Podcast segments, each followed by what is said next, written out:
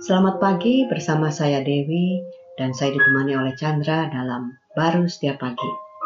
Nah hari ini kita ini uh, baru saja eh beberapa hari sih kita baru mendengar tuh kan uh, Pangeran Philip itu baru meninggal. Rest in peace lah ya umurnya 99 tahun loh. Wah, luar biasa itu. Jarang yang lewat 80 aja jarang, apalagi lewat 90 ya. Iya. Nah, kalau kita melihat seperti itu, walaupun umurnya panjang, sepanjangnya manusia hidup itu ada batasnya juga ya. Ya, selalu ada akhirnya karena kita sudah di bawah Betul. kematian ya, nggak ada satu orang pun yang bisa menghindari kematian. Itu. Nah, nah biasanya kita kita kan gini ya, kalau kita ngomong kalau kamu uh, apa menerima Tuhan Yesus, Tuhan memberikan kamu hidup yang kekal. Nah, kita kalau bicara mengenai hidup kekal itu selalu konotasinya kepada uh, hidup manusia yang lebih panjang. Ya, hidup yang lebih panjang, sangat panjang. uh, panjang pendek itu akhirnya ada ujungnya, hmm. ada akhirnya. Tapi yang namanya hidup kekal yang sebenarnya tidak ada akhirnya. Hmm. Ada di awalnya dia juga tidak ada akhirnya. Uh, maka itu kekal infinity kan. Hmm. Uh, kalau uh, satu juta pun uh, umurnya masih terbatas hmm. karena waktu sampai 9999 tinggal satu tahun lagi, ya kan uh, uh, di dalam batasan itu. Nah, yeah. Sedangkan kekal itu tidak ada batasannya. Nah itulah yang sebenarnya uh, manusia itu uh, yang hilang ya yang diingin diberikan kan hmm. uh, tapi bukan sebatas hidup yang kita pikir yang terbaik yang ada secara jasmani yang terbatas ini. Betul.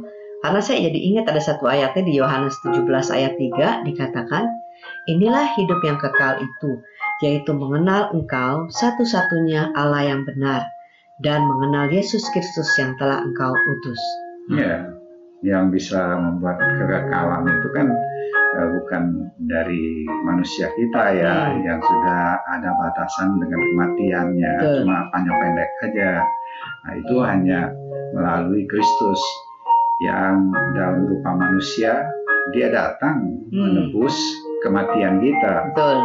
kita ngelihat dia mati sebenarnya hmm. tapi sebenarnya dia menebus kematian manusia sehingga manusia bisa Eh, menerima kehidupan dia, kehidupan kekal dia, eh, dan eh, menikmati yes. hidup sejauh bukan kehidupan manusianya, tapi menikmati kehidupan kekal itu yang, yang Tuhan sediakan. Iya, sediakan seperti maka itu sering kali dikatakan lahir baru ya Nah, seperti kayak ulat menjadi kupu-kupu. Hmm. Ulat nggak bisa menikmati hidup kupu-kupu. Ulat ya ulat ya kan. Ya. Tapi kupu-kupu ya dia bisa terbang, ya. bisa menikmati bunga.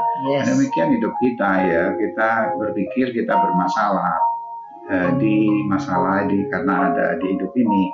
Padahal sebenarnya masalah kita adalah masalah kematian itu yang terbatas hidupnya aja sudah bermasalah. Hmm. Ada dosa, ada kematian. Tapi setelah ditebus, dia memiliki hidup Tuhan yang nggak ada kematian, tapi ada uh, kebenaran, nggak ada dosa, nah, ada kekekalan. Wow. Nah, kalau dia menyadari dia sudah memiliki kehidupan seperti itu, ya ini kan tidak lagi menuntut dia, menekan dia, menyalahkan dia kan. Uh, uh, sing, tapi dia sudah terpenuhi di sini si kupu-kupu nggak berpikir dia ingin jadi ular lagi karena dia sudah kupu-kupu hmm. nah, sudah sebatas itu sehingga dia menikmati aja dan ringan aja di dalam setiap situasi kondisi yang dia lalui sekalipun di tubuh jasmani yang ada batasannya. Wow.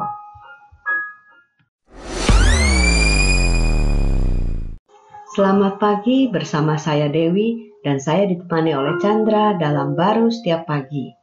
Bicara mengenai kebangkitan itu pasti uh, berbicara mengenai apakah kita percaya dengan kebangkitan dia dan memberikan kita satu uh, kekuatan atau kuasa dalam hidup kita kan. Nah ini ada di dalam 1 Korintus 15 ayat 17 dikatakan, dan jika Kristus tidak dibangkitkan, maka sia-sialah kepercayaan kamu dan kamu masih hidup dalam dosamu. Nah, ini gimana ini? Iya, ini uh, firman yang sangat menguatkan kita ya. Hmm. Uh, kita lihat orang yang mati bangkit Wah, itu suatu hal yang luar biasa ya. Betul. Ya, itu uh, sukacitanya juga luar biasa bagi hmm. orang-orang hmm. yang khususnya kenal dengan dia kan. Ya. Uh, kebangkitan Kristus itu uh, bukan sejauh dia aja yang bangkit. Tapi kebangkitan Kristus itu sebenarnya menebus kematian kita. Hmm. Setiap orang kan nggak bisa lepas dari kematian ya, kan. Betul. Orang mati dibangkitkan aja dan mati lagi orang udah senang. betul. Kalau yang ini bangkitan Tuhan Yesus menebus kematian sekali dan mengalami kehidupan dia yang Kekal. sudah dibangkit itu selama lamanya. Wow. Dan satu kekekalan. Hmm. Jadi eh, Tuhan Yesus itu dia mati dia bukan mati terus terus mati dan tidak bangkit. Hmm ya kan? Tapi dia bangkit dan hidup selama lamanya. Hmm. Nah, bukan dia aja yang hidup, tapi bagi kita yang percaya kepada Dia. Jadi hidup yang tadinya mati. Hidup yang tadinya mati sekarang sudah memiliki sejauh kehidupan Dia dan selama lamanya. Bukan hmm. bukan kita baru hidup sesudah kita mati. Oh. Kita hidup sekalipun ada kematian secara jasmani. Hmm. Nah, itulah hidup kekal dia sejauh kehidupan dia inilah yang membuat perjalanan hidup kita sekalipun ada di dunia ini dengan segala tantangan, permasalahannya, apa pun bentuknya, dia sudah tidak sampai membawa kita itu uh, terbawa di dalam di dalam kematian. Dalam kematian itu kan tertekan, sedih, putus yes, asa, terbatas yeah. gitu.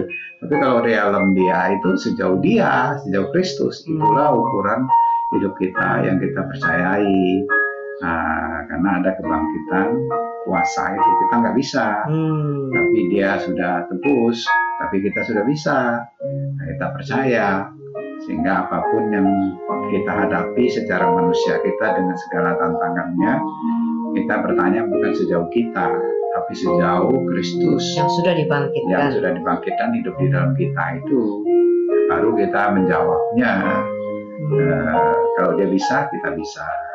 Tidak ada yang tidak bisa. Maka itu semuanya mungkin Kristus. bersama dengan Kristus Amin. dan hidupnya tidak juga sia-sia. Amin. Amin. Selamat pagi bersama saya Dewi dan saya ditemani oleh Chandra dalam baru setiap pagi. Nah, kita kan tahu bahwa Tuhan itu memberikan kuasanya yang luar biasa seperti Efesus 1 ayat 19 dan 20 dan betapa hebat kuasanya bagi kita yang percaya sesuai dengan kekuatan kuasanya yang dikerjakannya di dalam Kristus dengan membangkitkan dia dari antara orang mati dan mendudukan dia di sebelah kanannya di surga. Harusnya kita bisa merasakan ini ya, apalagi di tengah pandemik ini. Tapi nggak tahu deh ya, kelihatannya kekuatannya itu nggak bisa kita lihat atau tidak terlihat gitu. Iya, tapi ya itulah nggak dilihat tapi bisa dialami ya. Hmm. Kayak Paulus dia menuliskan eh, betapa hebatnya kuasanya. Itu suatu perasaan kekaguman yang luar biasa. Hmm. Padahal dia dulu kan secara posisi, secara eh, manusia lahiriahnya dia, dia itu termasuk orang berkuasa. Tapi hmm. dia fokuskan bukan kekaguman secara lahiriah dia, tapi kepada Kristus kuasa yang diberikan uh, sekalipun ya padahal dia itu di penjara ya. Iya, harusnya dia nggak bisa berkata ada kuasanya. Iya. Mana ada kuasa dia di penjara. Iya, kita ngelihatnya ya bagaimana mungkin ini ya terkekang, sedih, tertekan mungkin hmm. ya.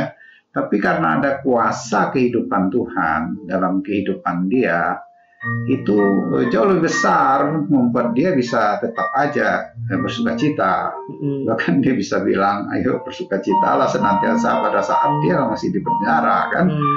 eh, dan dia berarti dia mempercayai benar bahwa kuasa dan kekuatan Tuhan yang sudah dibangkitkan itu ada di dalam hidupnya dia ya. Iya, dia percaya tapi mengalami. Hmm. Ya kan banyak orang kadang-kadang berpikir, gua udah percaya tapi nggak mengalami. Hmm. Ya kan sebenarnya sih uh, uh, kalau kita percaya kepada dia itu yang sudah ada di dalamnya, pasti akhirnya mengalami. Ya, tapi kalau nggak mengalami ya tertekan terus dong. Oh. Yang dia lihat ya, aduh penjara ini makannya terbatas, bergeraknya terbatas. Aduh pandemi ini nggak berakhir-akhir, mana-mana. Ya komplain. Tapi kalau ada orang ngelihat di dalam kacamatanya daripada Tuhan, ya sekalipun ada pandemik, dia masih bisa menikmati eh, pekerjaan Tuhan, persekutuan dengan Tuhan, uh, bisnisnya, bisnisnya, kesehatannya. kesehatannya. Ada hal tertentu mungkin kelihatan menurun ya terhalangi, tapi kehidupan dia dengan sukacita yang penuh dengan uh, apa perjalanan yang Tuhan ingin bawa dia ada aja caranya hmm. dan setiap orang tentu beda-beda masing-masing yes. tapi ada kuasa itu yang bekerja dalam hidupnya. Wow, amin luar biasa. Amin. Selamat pagi bersama saya Dewi dan saya ditemani oleh Chandra dalam baru setiap pagi. Kalau kita berdoa kan biasanya kita uh, selalu mengatakan atas nama Yesus Kristus. Karena kita tahu di situ ada suatu kuasanya ya seperti dalam Filipi 2 ayat 9 dan 10 itulah sebabnya Allah sangat meninggikan dia dan mengaruniakan kepadanya nama di atas segala nama supaya dalam nama Yesus bertekuk lutut segala yang ada di langit dan yang ada di bumi dan yang ada di bawah bumi. Wow, ini luar biasa sekali ya. Betul, kalau kita punya nama kuasa seperti ini. iya, dulu waktu kita kerja kalau uh, atasan kita lagi cuti, kita dikasih delegasi. Nah, acting. Acting Wah. position misalnya sebagai direktur. Hmm. Wah, kita punya hak sebagai direktur. Hmm. Itu aja kita uh, sudah dianggap orang-orang yang sangat uh, penting. Sangat penting orang-orang yang di sekitar itu juga Untuk yang sama kita. Yang ya, ya yang ada kepentingannya itu bisa uh, menghargai hmm. karena ada kuasa seperti itu. Tapi yang ini dikatakan uh, bukan di bumi aja loh. Itu bukan di perusahaan di aja bumi. loh. Di bawah bumi. Di bawah bumi di surga. Nah itu udah jauh melampaui daripada yang kita bisa bayangkan dan pikirkan. Itu kan hmm. hanya Tuhan, kuasa Tuhan. Kuasa dunia ya, ya kalau kita diberikan eh, sebagai presiden aja, itu masih di bumi lah.